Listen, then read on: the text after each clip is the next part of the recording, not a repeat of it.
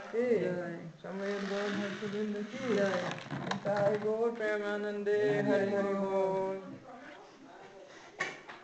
ओम नमो भगवते वासुदेवाय। ओम नमो भगवते वासुदेवाय। ओम नमो भगवते वासुदेवाय। ओम नमो भगवते वासुदेवाय। ओम नमो भगवते वासुदेवाय। नारायणं नमस्कृत्य। नारायण नमस्कृत्य। नरुं चैव नरोत्तमं। देवीं सरस्वतीं व्यास। देवीं सरस्वतीं व्यास। ततो जयमुदीरये। ततो जयमुदीरये। नष्टप्राय स्वभद्रेषु। नष्टप्रायेषु भद्रेषु नित्यं भागवत सेवया। भगवते उत्तम श्लोके भक्तिर्भवति नैष्टिकी भक्तिर्भवति भगवत गीता अध्याय आठ श्लोक नंबर चार।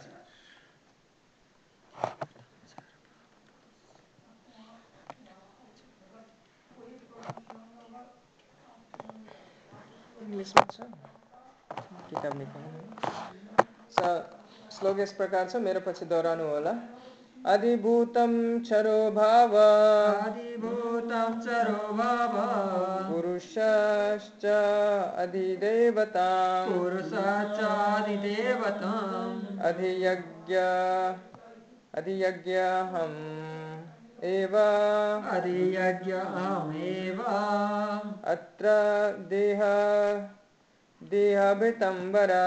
अत्र देह देहभृत्तमा अधिभूतं चरो अधिभूतं चरो पुरुषश्च अधिदेवता पुरुषश्च अधिदेवता अधियज्ञो अधियज्ञोऽहम् एव।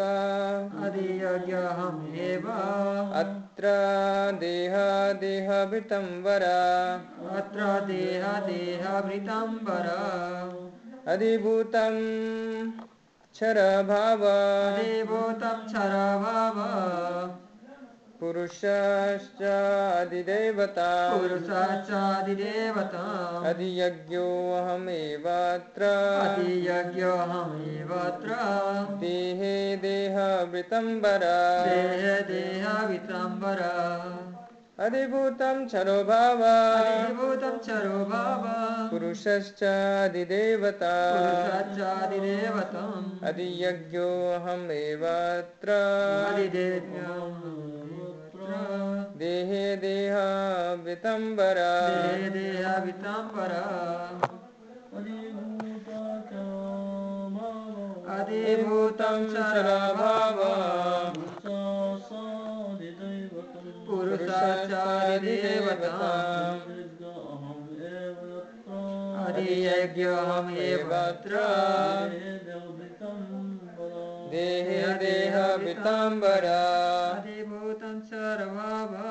अधिभूतं शरभाव पुरुषाचादिदेवतम् पुरुषश्चादिदेवता अधियज्ञाम् एवत्र। अधियज्ञोऽम् एवत्र। देह वर देह देहावृतं वर शब्दार्थ अधिभूता भौतिक जगत। भौतिक निरंतर परिवर्तनशील निरंतर परिवर्तनशील भाव भाव स्वभाव शोभा पुरुष पुरुष सूर्य र सूर्य र चन्द्र जस्ता चन्द्र जस्ता समस्त देवताहरू सहितको समस्त देवताहरू सहितको विराट रूप विराट रूप च च तथा तथा अधिदेवता। आदिदेवतम अधिदेव नाम गरेको। आदिदेव नाम गरेको। अधियज्ञ। आदियज्ञ परमात्मा। परमात्मा। अहम अहम म। कृष्ण। कृष्ण। एव। एव। निश्चय नै निश्चय नै अत्र। यसमा। यसमा। देहे। देहे। शरीरमा। शरीरमा। देहभृतम। देहवृत्तम शरीरधारीहरूमा। शरीरधारीहरूमा। वर। वर। हे उत्तम। हे उत्तम। अनुवाद तात्पर्य शिला प्रभुपादद्वारा शिला प्रभुपादको जय। हे शरीरधारीहरूमा श्रेष्ठ। हे शरीरधारीहरूमा श्रेष्ठ। निरन्तर परिवर्तनशील। निरन्तर परिवर्तनशील। यो भौतिक प्रकृति। यो भौतिक प्रकृति। नहीं। नै अधिभूत हो। अधिभूत हो। सूर्य र सूर्य र चन्द्र लग लसहितका सूर्य र चन्द्र सहितका सम्पूर्ण सम्पूर्ण देवताहरू सहितको देवताहरू सहितको भगवानको विराट रूपलाई भगवानको विराट रूपलाई अधिदेव भनिन्छ। आदिदेव भनिन्छ। र र प्रत्येक शरीरधारीका प्रत्येक शरीरधारीका हृदयमा हृदयमा परमात्मा रूपले परमात्मा रूपले निवास गर्ने निवास गर्ने म परमेश्वर नै म परमेश्वर नै अधियज्ञ अधियज्ञ वा वा यज्ञको स्वामी हुँ। यज्ञका स्वामी हुँ। के भन्नुहुँदैछ हे शरीरधारीहरूमा श्रेष्ठ निरन्तर परिवर्तनशील यो भौतिक प्रकृ- प्रकृति नै अधिभूत हो। सूर्य र चन्द्र सहितका सम्पूर्ण देवताहरू सहितको भगवानको विराट स्वरूपलाई अधिदैव भनिन्छ र प्रत्येक शरीरधारीका हृदयमा परमात्मा रूपले निवास गर्ने म परमेश्वर नै अधियज्ञ वा यज्ञको स्वामी हुँ। त तात्पर्यमा प्रपातले लेख्नुहुँदैछ यो भौतिक प्रकृति निरन्तर परिवर्तनशील छ। साधारणत यी भौतिक शरीरहरूले छवटा अवस्थाहरू पार गर्दछन्। तिनीहरू जन्मिन्छन् बढ्दछन् केही समयसम्म बढ्दछन् केही कुरा उत्पादन गर्दछन् अनि तिनीहरू क्षीण हुन्छन् र अन्त्यमा नष्ट हुन्छन्। यी यो भौतिक प्रकृतिलाई अधिभूत भनिन्छ। यो निश्चित समयमा उत्पन्न हुन्छ र निश्चित समयमा नष्ट हुने गर्दछ। सबै देवताहरू र तिनका लोकहरू सहित परमेश्वरको विराट स्वरूप नै अधिदेव हो। प्रत्येक शरीरमा जीवात्मासँग निवास गर्ने भगवान् श्रीकृष्णको प्रतिनिधि अंश परमात्मा हुनुहुन्छ। परमात्मालाई अधियज्ञ भनिए भनिन्छ र उहाँ हृदयमा निवास गर्नुहुन्छ। यो श्लोकमा भगवानले एव शब्दमा विशेष जोड दिँदै परमात्मा उहाँभन्दा अलग छैन भन्ने कुरा स्पष्ट गर्नुभएको छ। परमात्मा वा भगवान जीवात्माका हृदयभित्र रहेर जीवात्माका हरेक क्रियाकलापहरूको साक्षी भएर बस्नुहुन्छ र परमात्मा जीवात्माका विभिन्न किसिमका चेतनाहरूको उद्गम स्थल हुनुहुन्छ। परमात्माले प्रत्येक आत्मालाई स्वतन्त्र भएर काम गर्ने अवसर पनि दिनुहुन्छ र उहाँ जीवात्माका हरेक क्रियाकलापको साक्षी पनि हुनु, बन्नुहुन्छ। भगवानको दिव्य सेवामा लागिरहेको कृष्ण भावना भावित भक्तलाई परमेश्वरका यी सबै विविध कार्य कार्यक्रमहरू स्वत स्पष्ट हुँदै जान्छ।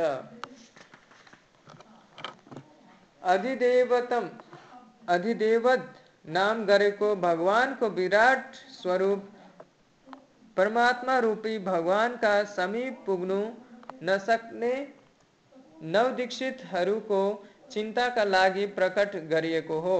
अत नवदीक्षितहरूलाई यहाँ उनै विराट पुरुषको चिन्तन गरिरहने परामर्श दिएको छ। उहाँका चरणहरू तलका लोकमा पुगेका छन्। सूर्य र चन्द्र उहाँका आँखा मानिन्छन् र उच्च लोक वा ब्रह्मलोकलाई उहाँको शिर मानिएको छ।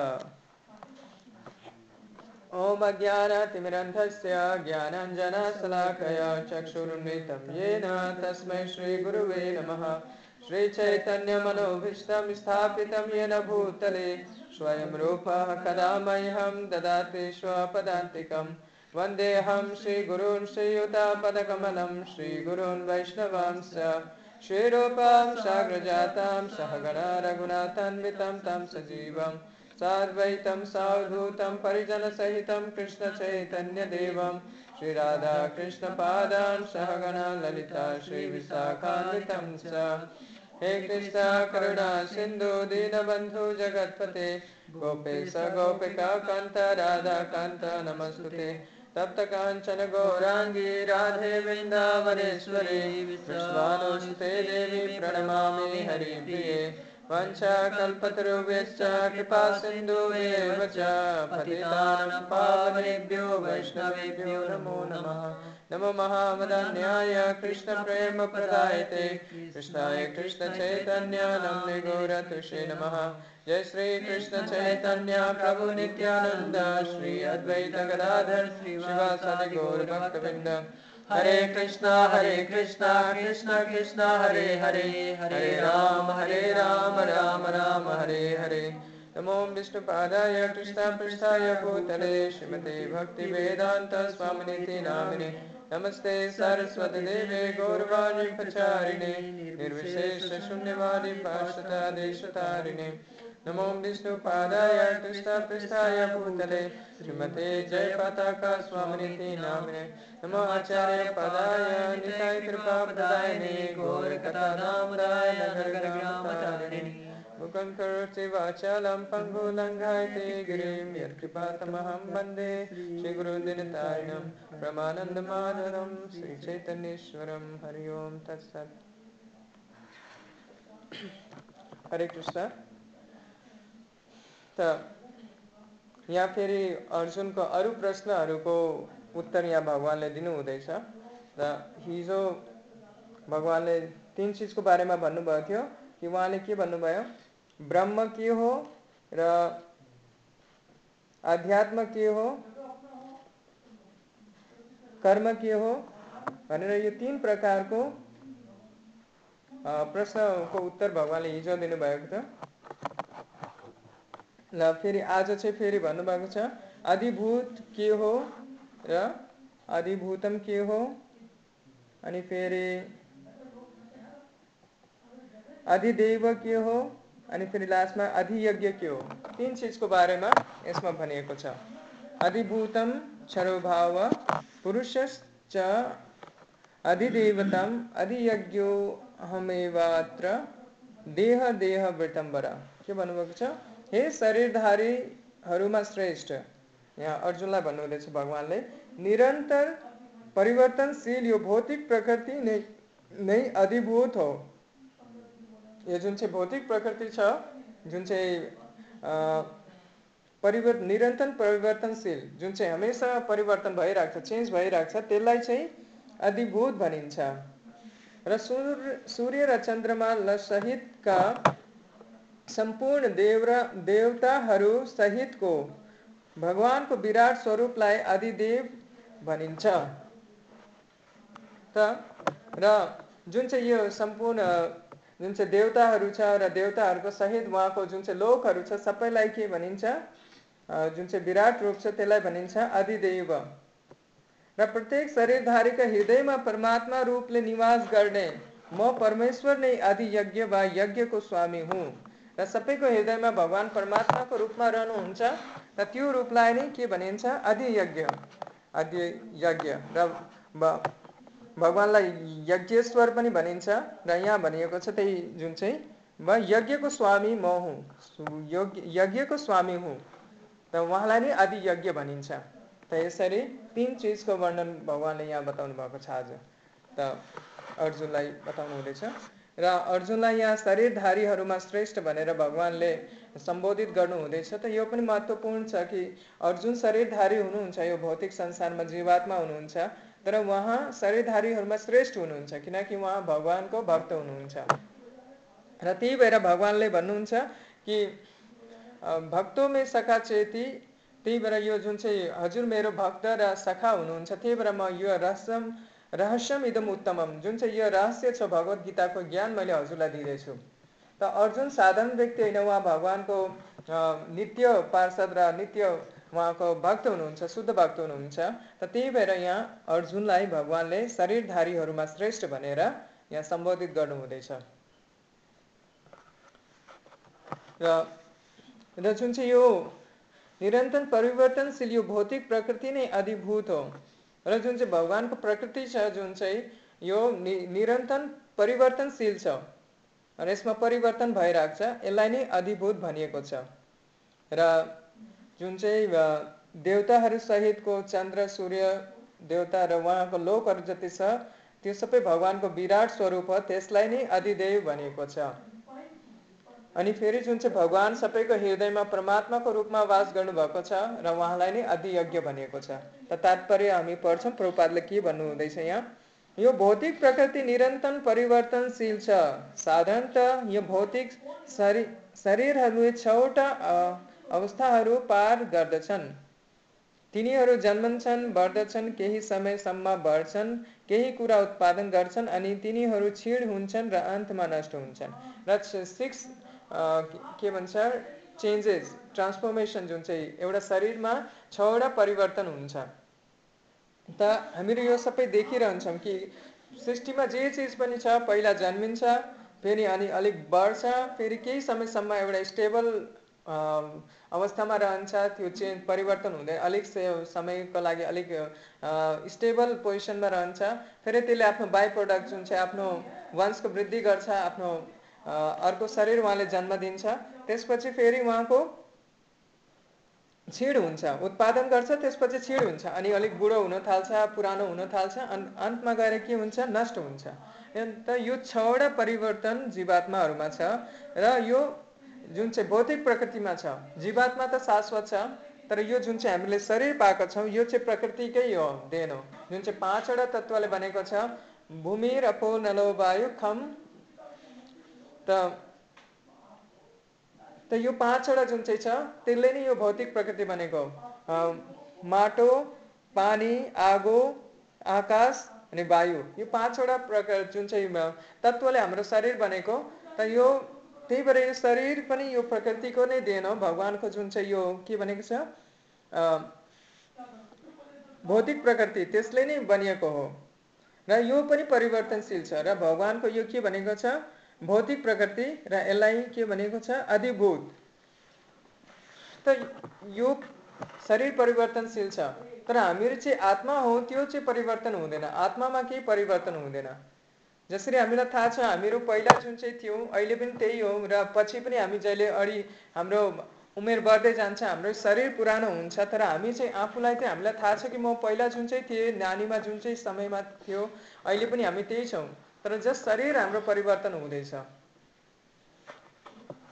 आत्माको पहिले परिवर्तन हुँदैन। र जसरी यो जसरी यो परिवर्तनशीलको बारेमा भगवत गीतामा भगवान्ले भन्नुहुन्छ अ, देहिनोऽस्मिन् यथा देहे कौमारं यौवनं जरा तथा देहान्तर प्राप्ति धीरस्तत्र न मुह्यति। देहिनोऽस्मिन् यथा देहे।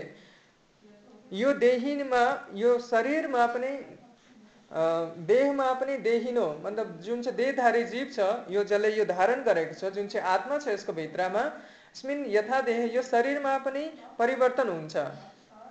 भनेको कि यो शरीर परिवर्तन हुन्छ। प्रेजेन्ट टाइममा पनि एउटा देहीले जुन चाहिँ शरीरधारी जीवले आफ्नो शरीर परिवर्तन गरिरहेको छ देहिनो अस्मिन् यथा देह कौमारम यौवनम जरा। कौमार भनेको सानो अवस्था नानीको अवस्था अनि यौवन भनेको अलिक यङ एज जुन चाहिँ युवा अवस्था अनि जरा र फेरि बुढेसकाल त तिनवटा जुन चाहिँ यहाँ स्टेज बताएको छ कि यो परिवर्तनशील हुँदैछ मतलब वर्तमान शरीरमा पनि जीवात्माले त्यो परिवर्तन देख्न सक्छ। तथा देहान्तर प्राप्ति तथा त्यसपछि देहान्तर देहको अन्त भएपछि प्राप्ति फेरि अर्को देह धारण गर्छ धीरज तत्र नमोहति जो धीर व्यक्ति छ त्यो धीर व्यक्ति यो परिवर्तनले विचलित हुँदैन। किनकि उहाँलाई थाहा छ कि हामी नाश्वर छैनौँ। हामी चाहिँ अ, अनश्वर हामी चाहिँ शाश्वत छौँ जीवात्मा शाश्वत छ तर यो जुन चाहिँ शरीर छ हाम्रो लुगा जस्तै हो के भन्छ वासांश जीर्णानि यथा विहाय नवानि गृह्णाति नरोपराणि तथा शरीरानि विहाय जीर्णानि अन्यानि संयाति नवानि देही। जसरी एउटा व्यक्तिले लुगा पुरानो भएपछि त्यसलाई फेकेर एउटा नयाँ लुगा लाउँछ धारण गर्छ। त्यसरी नै यो देहीले जीवात्माले जहिले यो शरीर जुन चाहिँ लुगा जस्तै छ यो जहिले पुरानो हुन्छ त्यसलाई छोडेर अर्को नयाँ नयाँ लुगा धारण गर्छ। त हामीहरू कहिले न पुरानो लुगा छोडेर नयाँ लुगा लाउँदा कहिले हामीलाई दुःख लाग्छ डर लाग्छ के? लाग्दैन होइन? त त्यही हामीले पनि जहिले हामी यो रियलाइज हुन्छ कि हामी आत्मा हो र यो जुन चाहिँ ड्रेस छ यो हाम्रो शरीर छ यो जुन चाहिँ पाँच तत्त्वले बनेको छ अहिले हामी यो फिल गर्नु सक्छौँ र त्यो स्टेजमा हामी पुग्छौँ त हामीहरू शरीरको परिवर्तनले विचलित हुँदैनौँ। त्यही भएर भनेको छ धीरज तत्र नमुह्यति जो धीर व्यक्ति छ यस्तो परिवर्तनले कहिले पनि विचलित हुँदैन। त प्रभुपादले हामी सबैलाई धीर बनाउन चाहनुहुन्छ र त्यही भएर भगवत गीताको ज्ञान धेरै नै महत्त्वपूर्ण छ कि मान्छे अहिले विचलित छ उनीहरूले आफूलाई शरीर सोचिरहेको छ र त्योसित आफूलाई आइडेन्टिटी आइडेन्टिफाई गरेर आफूलाई पहिचान गरेर उहाँहरू सोध्छ कि मेरो जीव यति मोटो भयो यति दुब्लो भयो यति राम्रो देखेको छैन कति एडजस्टमेन्ट गर्नु परेछ होइन? त जहिले हामी फिल गर्छौँ कि होइन म त आत्मा आत्मा छु म त शाश्वत छु र शाश्वत भगवान्को अंश तक भगवान् कति सुन्दर हुनुहुन्छ र जीवात्मा पनि भगवान्को अंश हुनाले धेरै सुन्दर छ। तर यो ड्रेस हाम्रो हामीले अलग अलग पाएको छौँ र हामीले यसलाई हाम्रो आफ्नो आइडेन्टिटी सोच्छौँ। त त्यही भएर हामी दुःखमा रहन्छौँ।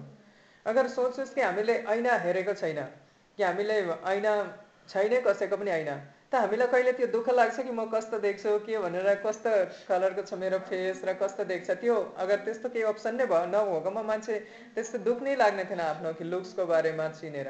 किनकि अहिले हामीले सोच्दैछौँ कि म मोटो छु म पातलो छु मेरो रङ यस्तो छ म देख्नुमा नराम्रो छु होइन? त त्यो हामीले यो एक्सटर्नल बडीलाई नै आफू सोचिरहेको छौँ। त सबै यो संसार नै यो एक्सटर्नली नै चलिरह चलिरहेको छ। त यो ज्ञान धेरै महत्त्वपूर्ण छ कि हामीले आफूलाई चिन्नुपर्ने हो कि यो जुन चाहिँ शरीर छ यो नाशवर छ र यो हाम्रो एउटा लुगा जस्तै हो र हामीले यसलाई आफू सोचेर र ड्रिमिङमा छौँ हामी सपना देखिरहेको छौँ। कि जुन चाहिँ हामीले सपना देख्छौँ त त्यो पनि हामीलाई साँच्चै लाग्छ। हामीले सपना देख्छौँ जुन चाहिँ राति अब जति पनि हुन्छ पाँच दस मिनट कतिको सपना देख्छौँ होला। एक्ज्याक्टली मलाई याद छैन तर जति पनि टाइमको हामी सपना देख्छौँ त्यो टाइममा हामीलाई लाग्छ कि होइन म साँच्चीमा त्यहाँ त्यहीँ छु भनेर लाग्छ र हामीलाई अब त्यो टाइममा खुसी भएको टाइममा पनि हामी बिउजे पनि हामीलाई खुसी लागिरहेको हुन्छ र डराएको समयमा पनि हामीलाई बिउजे पनि हामी फेरि डराएको हुन्छौँ। त त्यो जुन चाहिँ आत्माले त्यो टेम्पोरेरी शरीरमा त्यस्तो कन्सियसमा जान्छ र त्यस्तो एक्सपिरियन्स गर्छ।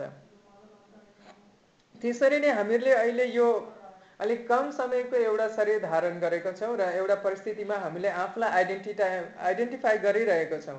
जुन चाहिँ एक्चुअल होइन जुन चाहिँ एउटा ड्रिमिङ जस्तै हो कम समयको सपना। जुन चाहिँ हाम्रो जीवनकाल छ त्यो अनलिमिटेड छ शाश्वत छ जीवन। काल जुन चाहिँ छ समय शाश्वत छ अगर भगवान्को कम्पेयरमा हेऱ्यौँ। इभन ब्रह्मलोकहरूको जुन चाहिँ कम्पेयर गऱ्यौँ भने त्यो यहाँको कति शाश्वत छ। ब्रह्मलोक जुन चाहिँ यहाँको एक मुहुर्त अलिकति टाइम पनि ब्रह्मलोकमा कति सालको हुन्छ। त त्यो चिज अगर हामीले कम्पेयर गऱ्यौँ भने हाम्रो जीवन जुन चाहिँ सिक्सटी सेभेन्टी इयर्सको कति क्षणिक अलिकति पनि छैन। र त्यही हामीले अलिक सानो एउटा ड्रिमिङ पोजिसनमा हामीले छौँ र यसमै रहन्छौँ तर हामीले सोच्छौँ कि होइन यही जीवन नै शाश्वत हो। र तीव्र प्रपातले हमेसा हर जग्गा भगवत गीतामा जहाँ पनि शास्त्रमा यो फोकस गर्नुहुन्छ कि हामी यो शरीर होइन आत्मा हो भनेर किनकि भक्ति जीवनमा प्रारम्भ गर्नुको लागि यो धेरै महत्त्वपूर्ण चिज छ। कि यही कारण छ जुन चाहिँ हामीहरू यो भौतिक संसारमा बद्ध भइरहेछौँ। हामीले आफूलाई शरीर सोचेर बद्ध भइरहेका छौँ एटलिस्ट फिलोसफिकली हामीलाई कन्भिन्स हुनुपर्छ कि हामीहरू एटलिस्ट हामीले रियलाइज गर्नु सकेका छैनौँ त्यो महसुस गर्नु सकेका छैनौँ तर फिलोसफी हामीले यसलाई ज्ञानको माध्यमले पनि एटलिस्ट हामीले मान्नु पर्दछ। र हामीले देख्न सक्छौँ कि जिउ हामीले बडी पार्ट्सहरू कति चेन्ज हुन्छ हाम्रो। मान्छेको किडनी लिभरहरू सबै चेन्ज हुन्छ। अनि सबै बडी पार्ट्सहरू चेन्ज हुँदैछ।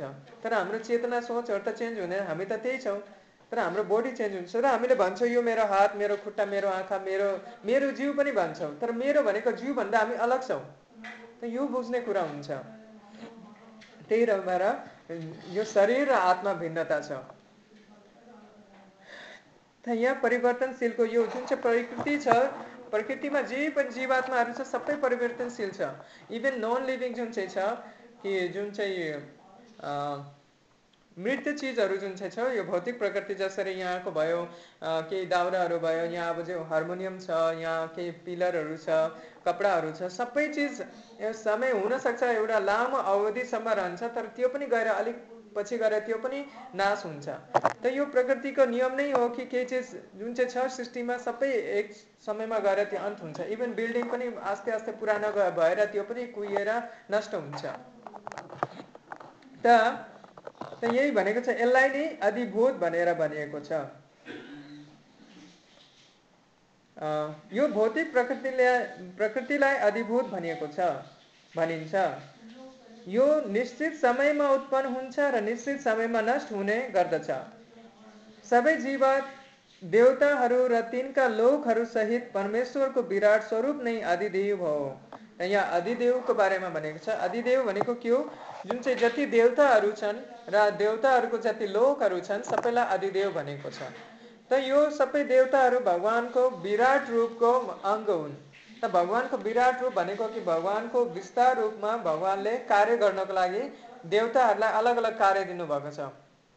जसरी मेरो हातले अलग कार्य गर्छ खुट्टाले अलग कार्य गर्छ त त्यसरी नै जुन चाहिँ देवताहरू छन् तिनीहरू भगवान्को विराट रूपको अलग अलग अङ्गहरू हुन्। अलग अलग कार्यहरू गर्नुको लागि भगवान्को डिपार्टमेन्टको एउटा एउटा उहाँहरू डिपार्टमेन्टल हेड र डिपार्टमेन्ट्सहरू अरू देवताहरू।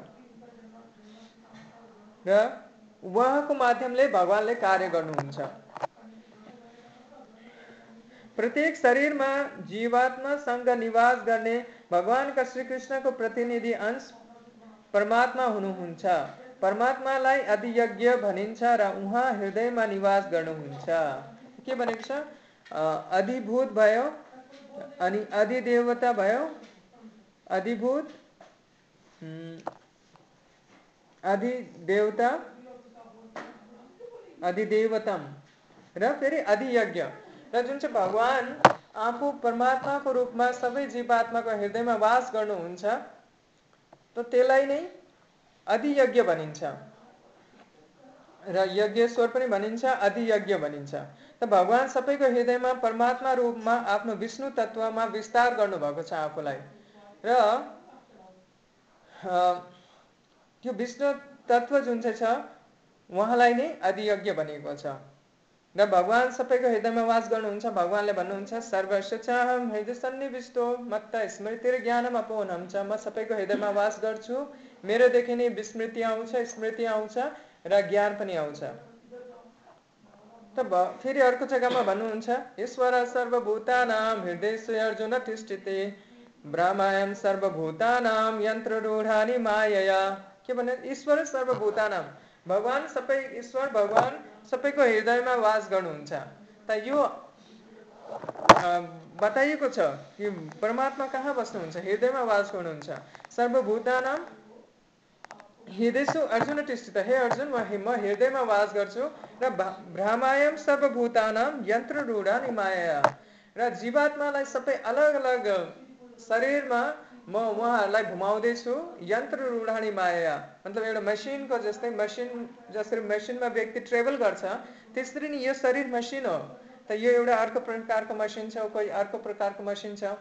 त जसरी कि कार छ कोही कार पुरानो हुनसक्छ कोही कार नयाँ हुनसक्छ कोही अलिक राम्रो मोडलको हुनसक्छ कोही एउटा पुरानो मोडलको हुनसक्छ। तर सबै कार हो हामी चाहिँ कार होइनौँ। जहिले हामी कारमा बस्छौँ त ए, आफूलाई त्यो कारसित तुलना गर्नु म नै कार हो भन्नु चाहिँ यो चाहिँ हाम्रो गलत धारणा हो। हामी आत्मा छौँ तर कार चाहिँ हामी होइनौँ। जुन चाहिँ गाडी छ त्यो होइनौँ। कहिले कहिले हाम्रो भौतिक जगतमा पनि हामी उदाहरण देख्छौँ कि हामीले कहिले गाडीलाई नै तुलना गर्न थाल्छौँ। जस्तै रिक्सावालालाई हामीले रिक्सावाला भन्दैनौँ ए रिक्सा ए रिक्सा रोक रोक रोक ए रिक्सा रोक भन्छौँ। रिक्सावाला भन्दैनौँ त्यो हामीले बिर्सिन्छौँ कि त्यो रिक्सावाला? अरू कहिले गाडीमा मान्छे हिँड्छ त रिक्सावालालाई धेरै हिन भावले हेर्छ। ए रिक्सा हट उता भनेर। त उहाँले सोध्छ कि म ठुलो गाडीमा हिँड्दैछु भनेको म ठुलो मान्छे हो सोध्छ। तर व्यक्ति त त्यो पनि एकजना व्यक्ति छ बिचरा। उहाँले जस्ट रिक्सा चलाउँदैछ र उहाँले ठुलो गाडी चलाउँदैछ। त त्यतिमा मान्छेहरूको चेतना हुन्छ कि म नै यो म नै यो गाडी हुँ र मेरो गाडी ठुलो छ भनेर म ठुलो छु र मेरो उहाँको गाडी सानो छ। उहाँले रिक्सा चलाउँदैछ साइकल चलाउँदैछ भनेर उहाँलाई सानो सोध्छ। त हामीहरू यो ग्रोस एक्जाम्पलमा पनि धेरै भारी रूपमा जुन चाहिँ उदाहरणमा पनि हामीले देख्न सक्छौँ कि हामीले आफ्नो जुन चाहिँ गाडी चलाउँदैछौँ त्यसलाई नै आफू भनेर सोध्छौँ। र जहिले हाम्रो गाडी ठोकिन्छ त हामीलाई कति दुःख लाग्छ कि यति उहाँलाई लाग्छ कि मेरो माथि नै चोट आयो मेरो एक्सिडेन्ट भयो गाडी कुच्चियो भने लाग्छ कि मलाई नै दुःख भयो त्यस्तो। किन किनकि हामीले त्यो गाडीको प्रति आसक्ति छ। तर कसै दुसराको गाडी ठोक्यो भने हामीलाई लाग्छ लाग्दैन होइन? किनकि त्यो हामीले त्यो गाडीसित चाहिँ आफ्नो सम्बन्ध बनाएको छैन र त्यो गाडीसित हाम्रो केही सम्बन्ध छैन। तर यो गाडीमा अलिकति पनि चोट लाग्यो भने हामीलाई रिस उठ्छ हामी कराउँछौँ झगडा गर्न थाल्छौँ किनकि हामीले त्यो गाडीसित आफ्नो पहिचान बनाइसकेको छौँ। त त्यसरी नै जहिले हामीले फिल गर्छौँ कि यो शरीर होइनौँ हामी यो आत्मा हो र भगवान्को शाश्वत अंश हौ त हामी शरीरको जुन चाहिँ परिवर्तन छ त्यसले कि कहिले पनि विचलित हुँदैन। त त्यही भएर हामी बुझ्नु पर्ने हुन्छ कि भगवान् परमात्माको रूपमा हाम्रो हृदयमा वास गर्नुहुन्छ र हामीलाई अलग अलग शरीरमा घुमाइरहनु भएको छ। हाम्रो कर्म र हाम्रो इच्छाले इच्छाको हिसाबले। हाम्रो जस्तो कर्म हुन्छ त्यही हिसाबले हामीलाई अलग अलग शरीर प्रदान गर्नुभएको छ र त्यसरी नै हामीलाई भोग गर्नु भगवान्ले दिइरहनु भएको छ। यहाँ अगाडि भन्नुहुन्छ प्रभुपादले कि अ, प्रत्येक शरीरमा जीवात्मासँग निवास गर्ने भगवान् श्रीकृष्णको प्रतिनिधि अंश परमात्मा हुनुहुन्छ परमात्मालाई अधियज्ञ भनिन्छ र उहाँको हृदयमा निवास गर्नु उहाँ हृदयमा निवास गर्नुहुन्छ यो श्लोकमा भगवानले एव शब्दमा विशेष जोड दिँदै परमात्मा उहाँभन्दा अलग छैन भन्ने कुरा स्पष्ट गर्नुभएको छ परमात्मा जुन चाहिँ छ भगवानदेखि अभिन्न छ त भगवानको जुन चाहिँ तिन विस्तार हुन्छ ब्रह्म परमात्मा भगवान त सबै भगवानको नै एउटा स्टडी हो।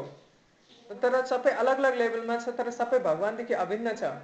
किनकि हामीले भन्छौँ कि भगवान्लाई सबै सुन्नुहुन्छ भगवान्लाई सबै थाहा छ। किनकि भगवान् हाम्रो हृदयमा वास गर्नुभएको छ त्यही भएर उहाँ हामीले जे पनि इच्छा गर्छौँ उहाँलाई थाहा हुन्छ। किनकि सबैको जीवात्माका हृदयमा वास गर्नुभएको छ भगवान्। त यहाँ एव शब्द विशेष जोड दिन जोड दिँदै परमात्मा उहाँ भन्दा अलग छैन भन्ने कुरा स्पष्ट गरिएको छ। परमात्मा वा भगवान जीवात्माका हृदय भित्र रहेर जीवात्माका हरेक क्रियाकलापहरूको साक्षी भएर बस्नुहुन्छ र परमात्मा जीवात्माका विभिन्न क्रियाकलाप किसिमका चेतनाहरूको उद्गम स्थल हुनुहुन्छ। के भनेको छ? भगवान् हाम्रो जे पनि इच्छा छ उहाँलाई थाहा छ। भगवत गीतामा भगवान्ले भन्नुहुन्छ उपदृष्ट अनुमन्त च भर्ता भोक्ता महेश्वर परमात्मेति चपयुक्तो देही अस्मिन् पुरुष पर। त त्यो भनेको छ उपदिष्ट अनुमन्त छ। उपदिष्ट भनेको कि ओभरसियर कि सबै चिज हामीले जे गर्दैछौँ त्यसको साक्षी हुनुहुन्छ। त हामीले हामीले सोच्नु सक्छ कि अरे मलाई भगवान्ले देखेको छैन भगवान्ले देखेको छैन अरू कसैले त देखेको छैन तर त्यो हामीलाई याद हुनुपर्छ कि भगवान् परमात्माको रूपमा भित्रै बस्नु भएको छ। हामीले अरूलाई ढाँट्न सक्छौँ अरूलाई ठग्न सक्छौँ तर परमात्मालाई ठाक्न सक्दैनौँ हामीहरू। उहाँ हाम्रो हृदयमा वास गर्नुहुन्छ उहाँले हर एक्टिभिटिज हाम्रो इभन यहाँ त कि हाम्रो सोच पनि उहाँलाई थाहा छ। हामीले के सोच्दैछौँ? हर सेकेन्डमा हर मिनटमा हामीले के सोच्छौँ? सबै भगवान्लाई थाहा छ। त हामीले भगवान्लाई कहिले ढाँट्न सक्दैनौँ? जहिले हाम्रो यो कन्सियस हुन्छ कि होइन भगवान् परमात्माको रूपमा हाम्रो हृदयमा वास गर्नुहुन्छ त हामी धेरै नराम्रो काम गर्नदेखि हामी बाँच्न सक्छौँ। आफूलाई याद हुन्छ हामी कन्सियस रहन्छ कि ओ परमात्मा भित्र हुनुहुन्छ उहाँले त देखिरहनु भएको छ उहाँलाई त सबै थाहा छ। त त्यही भएर यो यहाँ भनेको छ कि उपदिष्ट अनुमन्त छ र उहाँले नै सेङ्सन गर्नुहुन्छ कि हाम्रो अलग अलग चेतना हामीले के गर्न चाहन्छौँ त त्यसको लागि भगवान्ले नै सेङ्सन गर्नुहुन्छ अनि मात्रै त्यो कार्य हामी गर्न सक्छौँ। फेरि अगाडि लेख्नुहुन्छ प्रपातले परमात्माले प्रत्येक आत्मालाई स्वतन्त्र भएर काम गर्ने अवसर पनि दिनुहुन्छ र उहाँ जीवात्माका हरेक क्रियाकलापको साक्षी पनि बन्नुहुन्छ। र उहाँले हामीलाई स्वतन्त्रता पनि दिनुभएको छ। त उहाँ सबैको हृदयमा वास गर्नुहुन्छ र उहाँले चाहनुहुन्छ कि कहिले जीवात्मा फेरि फर्केर उहाँलाई हेर्नुहुन्छ र फेरि उहाँको भक्ति गरेर फेरि उहाँसित फेरि भगवत धाममा फर्किन्छ भनेर। त भगवान्ले एउटा एम्बेसेडरको जस्तै काम गर्नुहुन्छ।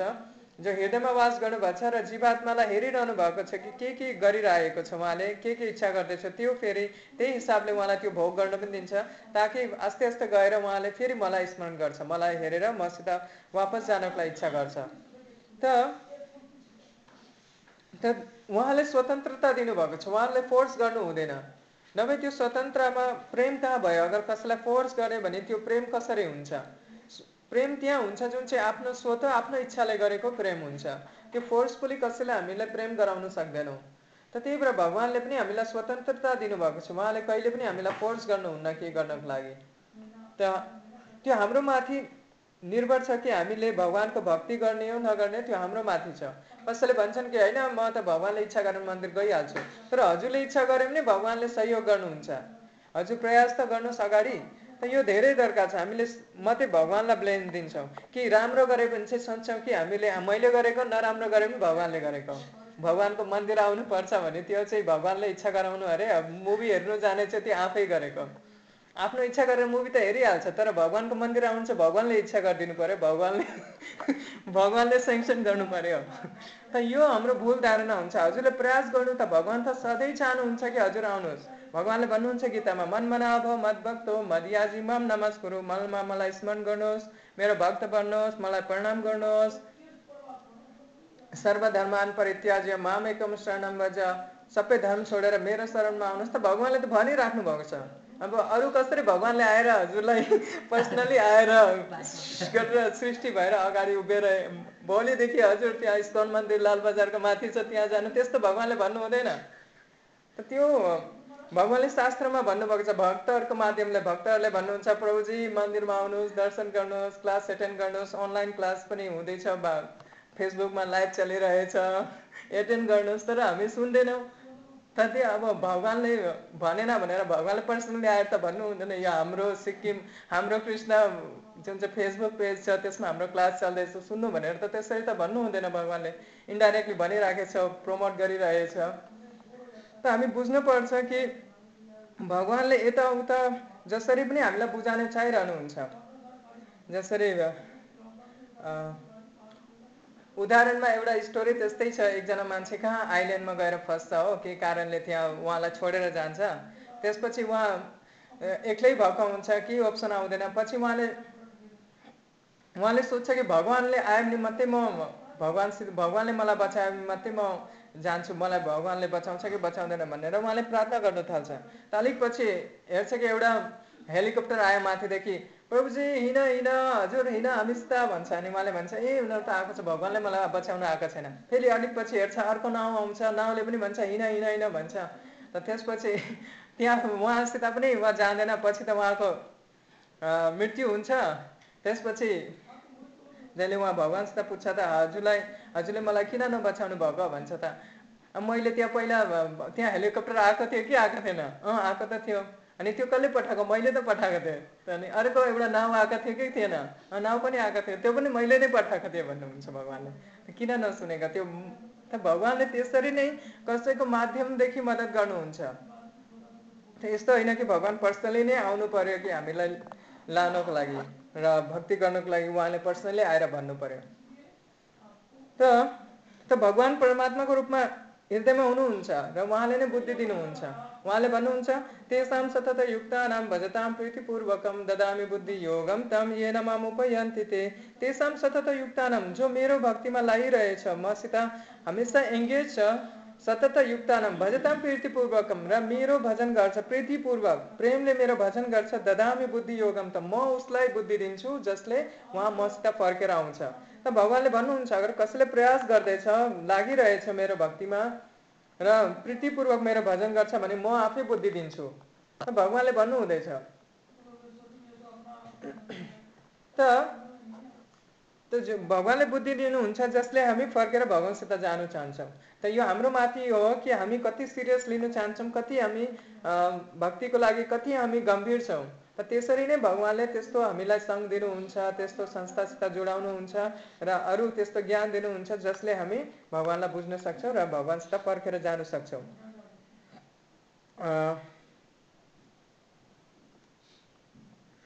भगवानको दिव्य सेवामा लागिरहेको अ, कहाँसम्म पढेको थिएँ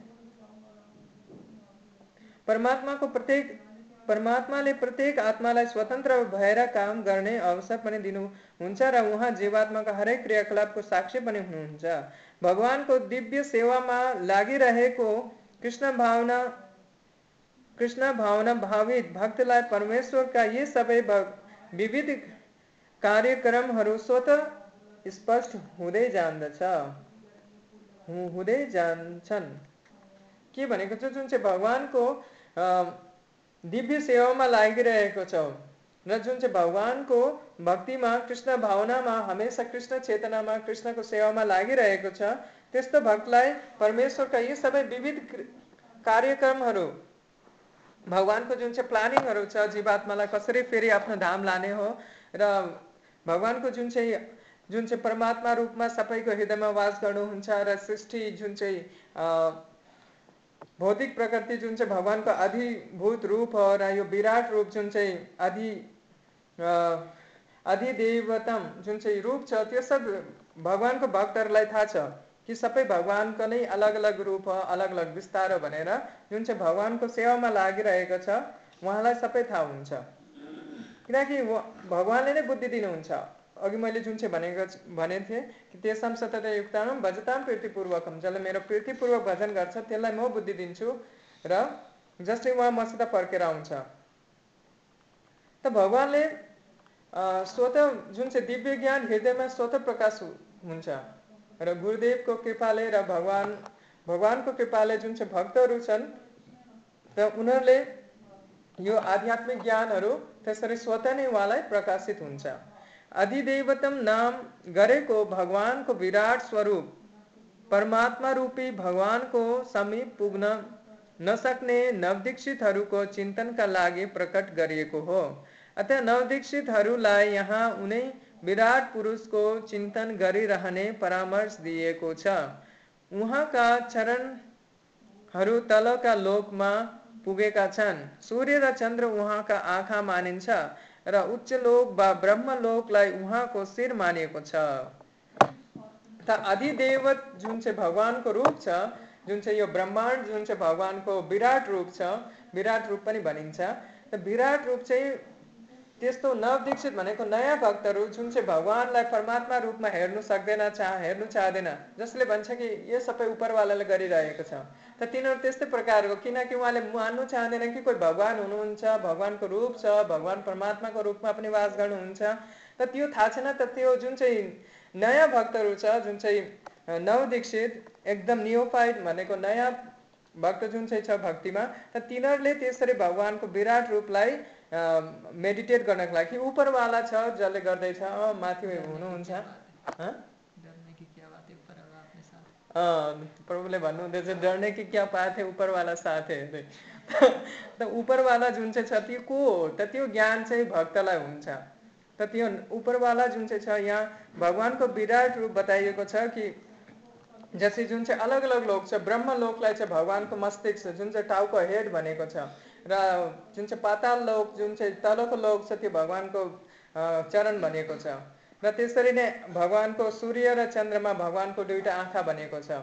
र जुन चाहिँ पहाडहरू जुन चाहिँ भगवान्को शरीर र फेरि त्यसमा जुन चाहिँ रुखहरू छ भगवान्को यो रोमहरू र कपालहरू त त्यसरी पनि संज्ञा दिन्छन् कम्पेरिजन गरेको छ विराट स्वरूपमा।